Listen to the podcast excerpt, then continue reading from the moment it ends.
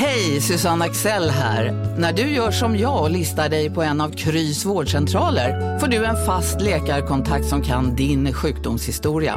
Du får träffa erfarna specialister, tillgång till lättakuten och så kan du chatta med vårdpersonalen. Så gör ditt viktigaste val idag, listar dig hos Kry. Njut av Max Selection El Maco med Premium Beef. Vår saftiga och lyxiga burgare av 100% svenskt nötkött och 100% fantastisk smak. För ett ännu godare McDonalds. En nyhet. Nu kan du teckna livförsäkring hos Trygg-Hansa. Den ger dina nära ersättning som kan användas på det sätt som hjälper bäst. En försäkring för dig och till de som älskar dig. Läs mer och teckna på trygghansa.se. Trygg Hansa. Trygghet för livet. Gunnar, ingenting är ju riktigt som vanligt i världen Nej. just nu. Så att, eh, vi släpper ett nytt avsnitt av Kapitalet idag, trots att det är torsdag. Eh, Kapitalet kommer ju vanligtvis på måndagar. Förra veckan handlade det om Swift. Den här veckan så har vi kollat på hur Ryssland har förberett sig på eh, sanktionerna och hur de hanterar dem nu när de har trätt i kraft. Kapitalet sponsras av SPP och Storebrand Asset Management. Eh, Storebrand och SPP hör ju ihop sedan många år och utan att gå in på några detaljer här och nu så kan vi i alla fall säga att eh, Storebrand förvaltar över 1200 miljarder kronor bland annat åt just SPP. Och du har ju träffat Storebrand, Jakob, och pratat om eh, Kina Ja, eh, vi, pratar i alla fall om hur Kina blivit en sån otroligt viktig del i omställningen av energisystemet. Eh, över 70 procent av värdekedjorna inom vind och solkraft kontrolleras av Kina, vilket Mhm. är otroligt när man tänker på det. Ja. Och det handlar om att Kina väldigt tidigt insåg att energi är makt.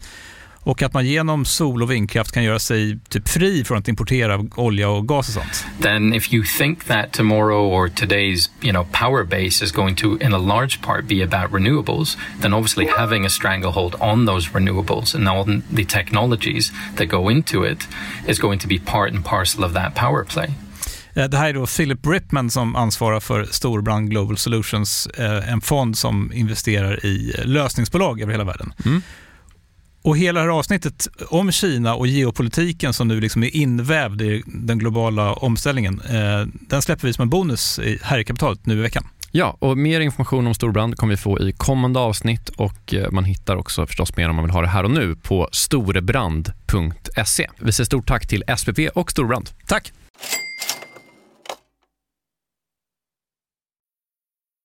Från Monopol Media, det här är Kapitalet med mig Åsa Secker. Och med mig Gunnar Harjus. Det är onsdag den 2 mars när vi spelar in det här och det har gått sex dagar sedan Ryssland invaderade Ukraina. Under de här dagarna så har ju sanktionerna eh, haglat över Ryssland. I helgen så blev det till exempel klart att ett antal ryska banker utesluts ur Swift. Det som har kallats för den finansiella atombomben och som vi pratade om i förra avsnittet. Men för den som följer nyheterna så har det också pratats väldigt mycket om att Ryssland är eh, väl förberett för det här och att det kanske kommer att göra att de kan eh, stå emot de här sanktionerna i alla fall eh, ett tag. Så i kapitalet idag, hur rustar man ett land för att kunna stå emot ekonomiska sanktioner? Vad gör Ryssland just nu för att minska sanktionernas effekter? Och i en global värld med en global finansmarknad, hur länge kan man egentligen överleva ute i den finansiella kylan?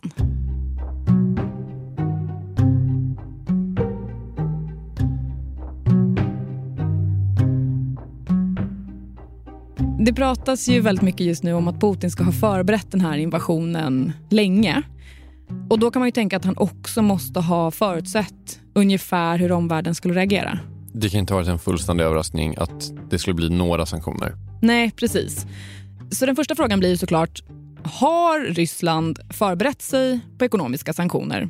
Ja, det har de ju. Eh, Det tydligaste exemplet på det är ju att man har starka statsfinanser. Vem är det här? Det här är Torbjörn Becker. Chef för Östekonomiska institutet vid Handelshögskolan i Stockholm. Han är inte bara chef, han har också varit med och skrivit en bok som handlar om precis just det vi pratar om idag. En bok som heter Putins Russia. Med undertiteln Ekonomi, försvar och utrikespolitik. Det är med andra ord så att om det är någon som kan svara på hur den ryska ekonomin har rustat sig inför eventuella sanktioner så är det Torbjörn. Eh, verkligen. Så om Ryssland nu har förberett sig, vad är det de har gjort? Enligt Torbjörn så handlar det här framförallt om tre saker. Det ena är att man har låtit växelkursen bli rörlig. För att förstå varför de gör det och varför det spelar roll här så tänker jag att man måste förstå två saker. Dels måste man förstå vad en växelkurs är och kanske framför allt vad en fast växelkurs är. Mm. Så om vi börjar med växelkurs, då är ju det liksom enkelt uttryckt priset på en valuta. Jag tycker det brukar bli lättare om man tänker på en valuta som en vara vilken som helst lite grann. Alltså den kostar olika vid olika tidpunkter beroende på hur stort utbudet och efterfrågan är helt enkelt. Ja men precis, för ett pris styrs ju som bekant av utbud och efterfrågan. Snyggt. Så det är ju ingenting som ligger fast. Nej, precis. Kronan då till exempel, vår valuta, den har ju då varit flytande sedan 90-talskrisen. Alltså så här, om man ska vara petig så är det ju två valutor som styr. Alltså om jag köper eh, kronor för dollar, då påverkar ju dels då hur stor är efterfrågan på kronor, men också hur stor är efterfrågan på dollar. Alltså om dollarn är värd väldigt mycket får man mer kronor för det och om kronan är värd väldigt mycket, jag förstår vad jag menar. Mm, de hänger ihop. Precis, alltså man brukar prata om valutapar när man pratar om hur mycket en valuta är värd. Exakt.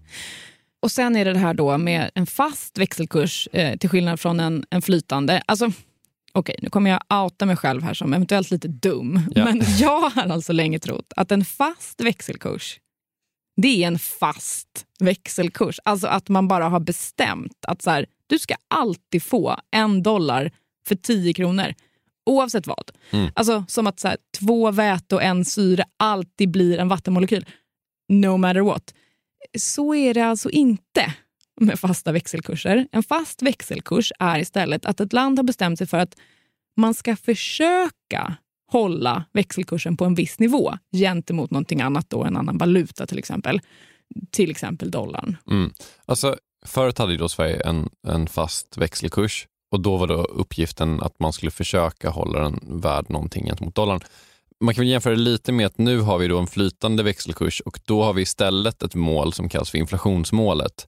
Och Det betyder att vi ska försöka hålla 2 i inflation över tid. Det betyder inte att vi per definition har 2% inflation. Och lite samma är det då med fast växelkurs. Man ska försöka se till att en dollar kostar 10 kronor. Ja, precis. Så att när Ryssland hade fast växelkurs eh, så hade man bestämt att den skulle ligga på en viss nivå i förhållande till dollarn. Men vad händer då om värdet på dollarn förändras på grund av någonting annat, till exempel på grund av en stor finanskris? Ja, det påverkar såklart då hur mycket rubel du måste ge för en dollar. Och Har du bestämt dig för att värdet på rubeln ska ligga på en viss nivå så kan det ju plötsligt bli väldigt dyrt. För att om du har en fast växelkurs så har du ju lovat att du ska upprätthålla förhållandena mellan två valutor och när priset på den andra valutan förändras så är du liksom tvungen att försöka följa med. Eller i det här konkreta fallet då, du måste försöka upprätthålla efterfrågan på ruben. Efterfrågan på rubeln är låg, rubeln är värd ingenting. Du måste försöka höja efterfrågan på den. Exakt.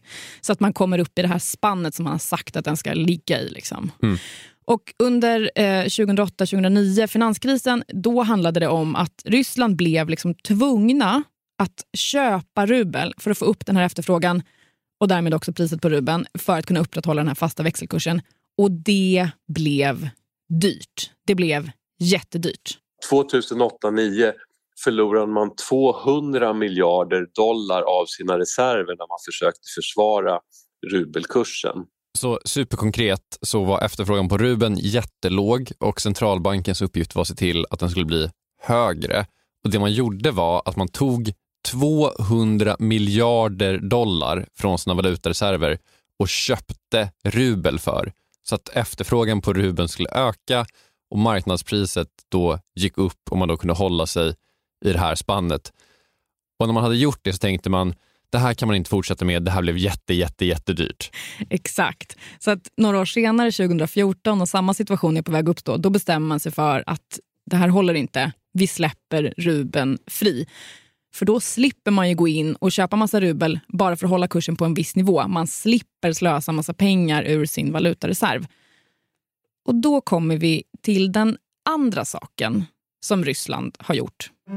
Och den andra är då att att man inte slösar för mycket i statskassan utan man har en ganska konservativ finanspolitik. Och Det här som Torbjörn pratar om som konservativ finanspolitik det har man eh, bedrivit framförallt på två sätt. För det första så har man sparat eh, och inte bara då eh, på hög utan i något som kallas för the National Wealth Fund. Och det kan man tänka på lite i, i samma anda som norska oljefonden. Förut har man tydligen sagt att, att man ska ha de här pengarna till att så, säkra upp pensionssystemet och sådana liksom stora kostnader. Nu tror man väl att Ryssland kommer att ta ur den där fonden för att försöka parera de här sanktionerna som har införts. Det andra man har gjort i den här liksom konservativa eh, finanspolitiken det är att man har eh, betalat av väldigt mycket på sin statsskuld. Rysslands statsskuld idag är bara typ 20-25 procent av BNP. Och Det är rätt lågt i jämförelse med europeiska länder, framför allt efter pandemin. kan jag tänka mig. Och Det betyder ju såklart att man har lägre utgifter för sina lån. Och Nu kommer vi till den tredje saken som de har gjort. Sen har vi deras internationella valutareserv. Den har man ju hört de senaste dagarna. De internationella reserverna är ungefär 630 miljarder dollar. Och så här, ja 600 miljarder dollar, jättemycket pengar. Men hur mycket pengar är det i det här sammanhanget? Ja, det är, det är väldigt mycket pengar. Alltså, hela Rysslands ekonomi är värd ungefär 1700 miljarder dollar. En valutareserv kan ju fylla lite olika funktioner men historiskt har man tänkt att man måste ha en valutareserv eh, för att kunna importera saker och alltså betala i andra valutor än valutareserv. Du fattar? Ja. Man vill liksom säkra möjligheten att kunna köpa saker från andra länder. Eh, och med den valutareserv som Ryssland har just nu så har de alltså råd att upprätthålla sin nuvarande import i två år. Det i ett internationellt perspektiv är väldigt mycket. Det andra användningsområdet eh, är det som vi var inne på förut, nämligen att hålla upp värdet på valutan. Alltså att köpa sin valuta ute på den öppna marknaden för att få upp efterfrågan på den och därmed priset. Ska man kunna köpa sin egen valuta ute på marknaden så måste man ha andra valutor att köpa den för. Just det, det här med valutapar och allt det där. Exakt. Mm. Okej, så vi har tre saker då. En flytande växelkurs för att slippa lägga en massa pengar för att hålla den på liksom en specifik bestämd nivå, även om man kanske vill hålla upp den lite grann i alla fall. Mm. Sen konservativ finanspolitik, alltså eh, spara massa pengar i en fond, typ en oljefond.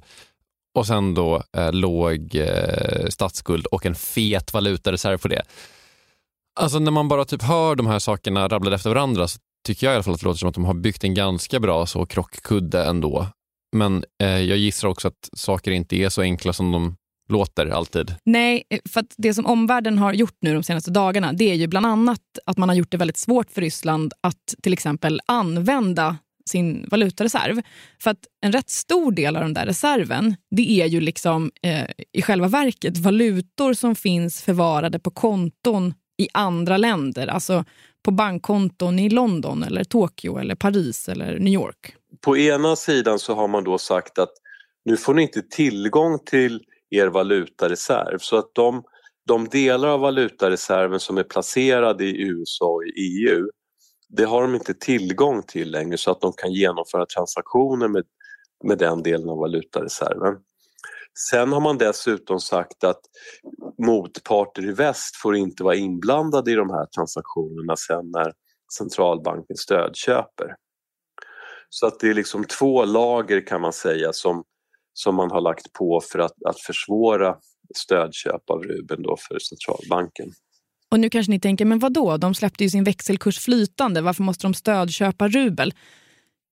Jo, men så här är det ju. Att även om Ryssland har en flytande växelkurs så har de ju fortfarande ett intresse av att rubeln liksom inte sjunker hur mycket som helst ner under golvplankorna. Så att även om centralbanken inte är tvungen att stödköpa rubel för att hålla den på en specifik nivå som man har bestämt så är man ju intresserad av att den inte sjunker för mycket. För det har ju såklart eh, enorma effekter på den ryska ekonomin och det får enorma effekter på liksom, vanliga ryssars vardagsliv. Alltså, om valutan knappt är värd något alls, då går den ju inte att köpa någonting för. Alltså det påverkar ju allt. Typ hur mycket mat du kan köpa. Men alltså precis, även om alla sanktioner gör det svårt för Ryssland att handla med omvärlden så sker ju ändå typ en del import. Alltså man kan typ handla med Kina fortfarande i viss utsträckning och, och säljer olja och gas och sådär. Och då är det ju extremt stökigt om så här, ah, Ruben är värd noll.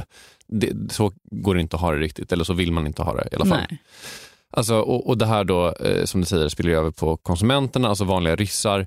Och eh, alltså samtidigt, i, i normala fall så betyder ju en svag valuta att exporten ökar eftersom det blir billigt för andra länder att eh, köpa grejer. Men just nu så är det ju liksom ingen som är supersugen på att köpa grejer av Ryssland, förutom då olja och gas. Men om man liksom har förberett sin ekonomi för kris och kanske eventuellt för sanktioner, alltså borde man inte ha förutsett det här? Alltså, att man skulle införa sanktioner mot centralbanken så att det skulle vara svårt att använda den här feta valutareserven. Alltså, kunde man inte se det här komma lite? Ja, fast det här är faktiskt ett väldigt extremt eh, sanktionspaket som de har fått emot sig. Så att det här är ingen, ingen vanlig åtgärd som man gör lite hur som helst. Rätt mycket av de sakerna som görs just nu, de görs faktiskt eh, mer eller mindre för första gången. Så det är inte så typ så här, att det finns, det här är åtta vanliga sanktioner som man alltid inför mot ett land och typ så skyddar du dig mot dem. Den listan finns liksom inte att Nej. bara checka av. Nej. Nej, jag fattar. Men om vi liksom går tillbaka till där vi började, alltså man har gjort alla de här grejerna, men är det liksom för att man hela tiden har tänkt att man ska invadera Ukraina och att det då kommer införas massa sanktioner eller har man liksom bara gjort de här grejerna ändå? Nej, men alltså jag skulle inte säga att, att allt det här är en del av att man ska invadera Ukraina utan man har lärt sig på grund av de här tidigare kriserna vad är det som skapar makroekonomisk stabilitet som på något sätt är grunden för att resten av ekonomin ska funka någorlunda bra. Så, så det hade man gjort, det har man liksom gjort oavsett vilka ambitioner man har eh, Eh, med Ukraina. Men sen är det väl naturligtvis så att det kan ju vara så att Putin kommer till ett läge när han ser att oj vilka starka statsfinanser jag har. Nu kan de slänga på mig ungefär vilka sanktioner som helst och vi kommer kunna hantera det. Eh, för att han inte riktigt förstår hur, hur långt väst var villiga att gå när det gäller sanktioner den här gången. Så att, att de, var, de var i princip så bra rustade för sanktioner som man kan tänka sig vara. Eh, Det här är ju såklart eh, bara spekulation för att ingen mer än Putin vet ju vad som rör sig i Putins huvud. Men Torbjörns eh, poäng här är ju att Rysslands förberedelser, oavsett varför man har gjort dem, inte räcker. I grund och botten, det som gör att de här sanktionerna är så verkningsfulla det är ju att ekonomierna i väst kanske är 25 gånger så stora sammanlagt som den ryska ekonomin. Ja, det här är en grej som jag tycker man glömmer lite grann. Alltså, man tänker att Ryssland är ett jättestort land och man vet att de har olja och gas och hela den grejen. Men alltså, den ryska ekonomin är väl, typ, jag vet inte, den är väl typ inte jättemycket större än Sveriges. Nej, precis. Alltså, den ryska ekonomin är alltså ungefär två och en halv gånger så stor som den svenska. Eh, och Då får man komma ihåg att i Ryssland bor det 140 miljoner människor drygt. Ja, Sverige Och i 10. Sverige 10. Ja. Alltså, det säger en del. Men okej, invasionen inleddes torsdagen den 24 februari. Eh, de första sanktionerna eh, trädde i kraft i princip på en gång. Sen dess har fler och fler sanktioner tillkommit. Eh, och enligt Torbjörn Becker då, så var Ryssland så bra rustade för sanktioner som ett land kan vara. Så nu när sanktionerna är ett faktum, har förberedelserna hjälpt efter det här?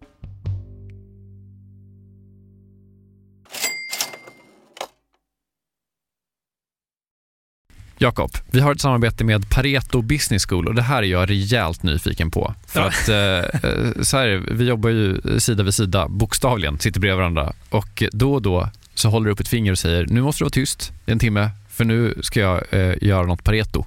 Exakt. Ja. Eh, Jag gillar ju att lära mig nya saker, det gör ju många journalister. Eh, Så den här våren går jag då en åtta veckor lång så kallad mini-MBA. Eh, Alltså jag hade gärna kunnat gått till riktig MBA också, men, men ja, jag har inte tiden det kräver och och framförallt ingen arbetsgivare som vill betala 800 000 för att låta mig göra det. Nej, eller kanske du har, du är ju arbetsgivare. ja, snål, snål arbetsgivare. Mm. Eh, det- Det är då Jens Bäckbom och Mattias Eklöf, två svenska entreprenörer som har skapat den här utbildningen just eftersom det finns ett gigantiskt hål mellan typ YouTube-filmer och en, en riktig MBA. Ja, och det här är då Pareto? Exakt, Pareto ja. MBA. Eh, Paretos utbildning kostar cirka 25 000 kronor och, och, under åtta veckor så lär man sig jättepraktiska och tillämpbara modeller för hur man startar, skalar upp, driver och säljer bolag.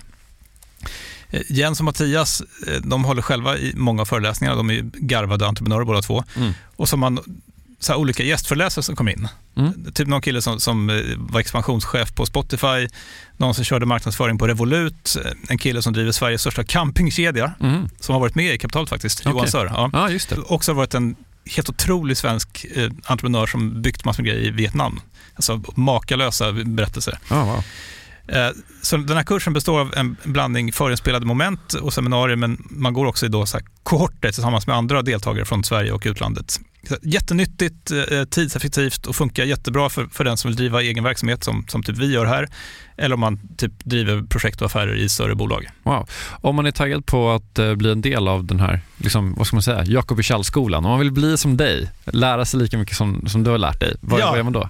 Eh, nästa kursstart är 5 april, så vill man ta ett kliv framåt i sin utveckling eller karriären eller så, gå då till arbetsgivaren och kolla om du inte kan gå den här utbildningen. Priset ligger alltså på 2500 euro, men ni får 10% rabatt om ni anger Monopol Media som referens när ni eh, gör er anmälan. Mm. Eh, man kan också gå in på paretoschool.com för att eh, läsa mer och ja, se lite smakprover från själva utbildningen. Då. Mm. Så att eh, man sparar jättemycket pengar i för att gå Handels MBA och man sparar ytterligare pengar om man tar del av eh, Monopol Media-erbjudandet. Ja, exakt. Ja, en no-brainer som vanligt. Mm. Plus att man blir ju eh, alumnkollega med mig då. Verkligen. Så stort, stort tack till eh, Pareto Business School och eh, gå in på paretoschool.com.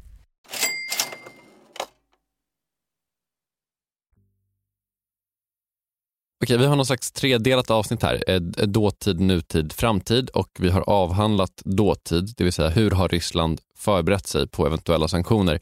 Vi gör det här ska vi säga också tillsammans med Torbjörn Becker som kommer vara med oss i hela avsnittet. Och vi är nu framme i någon slags nutid. Um, som svar då på att Ryssland har invaderat Ukraina så har västvärlden, slängigt uttryck men du förstår vad jag menar, ja. infört massa ekonomiska sanktioner mot Ryssland och frågan är då så här, hur har Ryssland reagerat?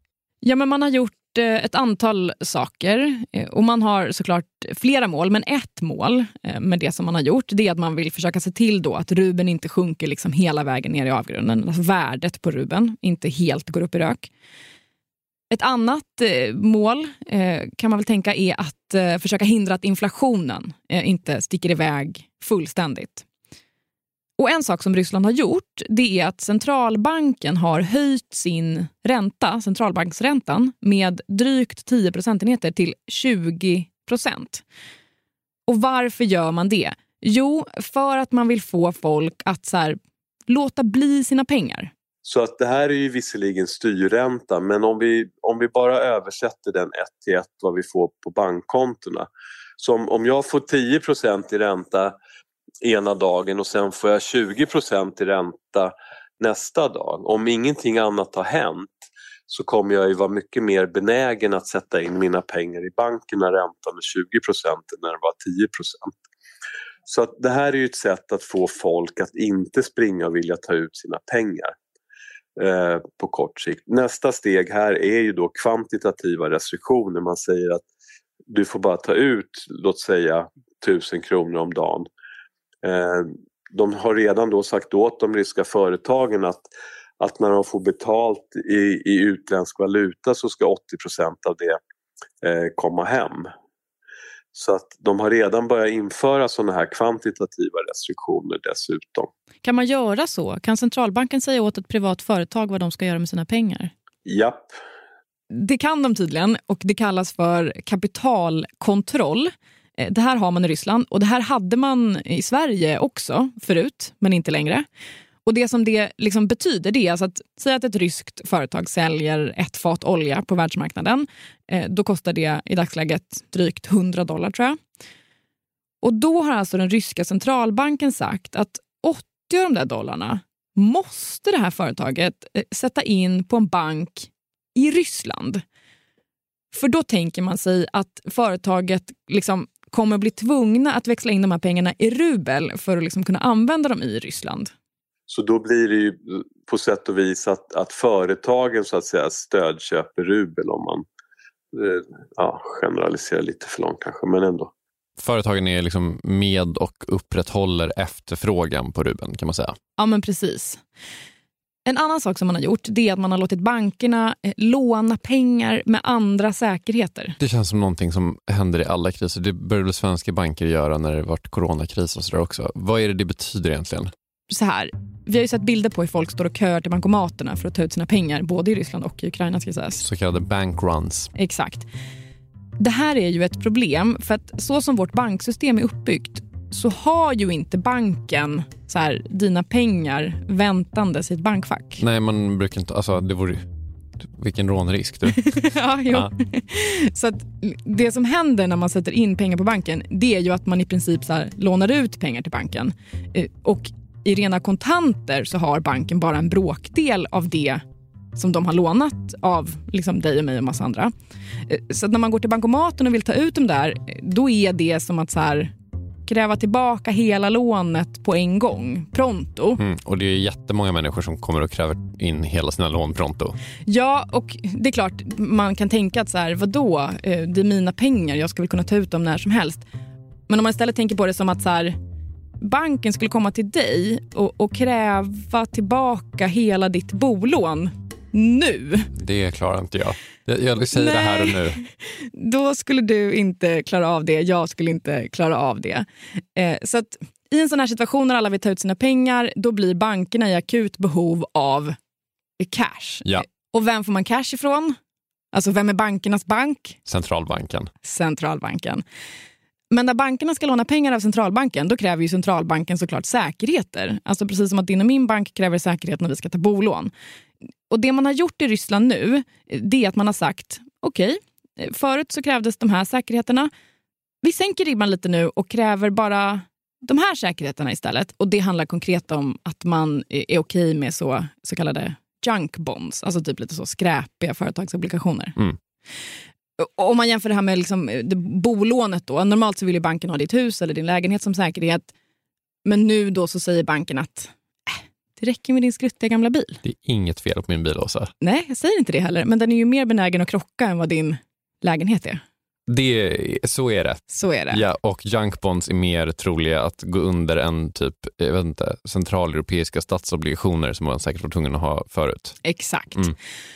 Och Det här gör ju centralbanken för att det ligger i deras intresse att de vanliga bankerna där folk har sina pengar pallar trycket. För gör de inte det, ja, då finns ju risken att de går omkull. Och det vet ju alla att banker som kraschar, det är något man försöker undvika till varje pris. Ja, det kan ju bli en konsekvens. Eh, jag kan tänka mig att det blir liksom andra åtgärder från centralbanken här under en period åtminstone där man just eh, lägger in de här begränsningarna hur mycket man får ta ut. Det kan också bli sådana här saker som att man säger att det är opatriotiskt att, att springa till banken och försöka växla över till dollar och sånt där. Vi pratade ju om Rysslands eh, valutareserv förut, att den är väldigt stor men att de också har svårt att använda den just nu eh, för att mycket av den finns utomlands på konton som omvärlden har fryst. Men den består ju inte bara av valutor, även om det kallas för en valutareserv. Den består ju också av guld. Ungefär 150 miljarder av de där 630 är, guld. Men den är väl bara värd något om man kan sälja den till någon? Kan de sälja den till någon? Guldreserven. Det är ju som sagt en 150 miljarders frågan. Så att det, det återstår väl att se helt enkelt. Dels måste man fysiskt kunna genomföra de här transaktionerna. Ryska centralbanken säger att de har sina guldreserver i Ryssland. Så på så sätt kan ju inte de tillgångarna frysas som de kunde ha gjort om de, de låg i London eller New York. Det är alltså faktiskt guld. Jag frågade Torbjörn om det här. Det är alltså guldtackor i ett kassavalv. På riktigt. Det är så konkret. Shit. Men problemet är ju att med alla de här sanktionerna som man har infört eh, så har det blivit jättesvårt för Ryssland att göra transaktioner utomlands överhuvudtaget. Så det blir liksom svårt för dem att sälja de där guldtackorna trots att de liksom sitter där och är värda en massa pengar.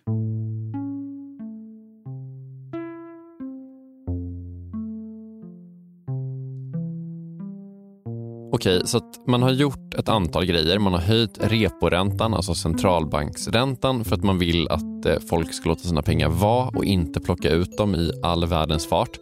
Eh, för att om det skulle hända så riskerar typ hela det finansiella systemet att kollapsa. Bankruns, jättejobbigt. Eh, och sen så har man också gjort det lättare att låna av centralbanken så att de kommersiella vanliga ryska bankerna ska ha pengar att kunna ge folk om de ändå kommer och hämtar pengar. Det här gör de då genom att man får låna med lite mer tveksamma säkerheter, min bil till exempel. Mm. Och sen har man då köpt guld men det är lite oklart om, slash när, slash hur man ska kunna använda det till något. Exakt. Och så var det det här med att ryska företag som säljer saker utomlands måste föra tillbaka den valutan in i Ryssland. Mm. De har gjort en massa andra grejer också, men vi behöver inte gå in på, på alla, alla grejerna. Men det här är liksom saker som man har gjort nu. Men då tänker man ju, vad kommer hända på sikt? Alltså, i en global värld med en global finansmarknad, hur länge kan ett land som Ryssland klara sig ute i kylan efter det här?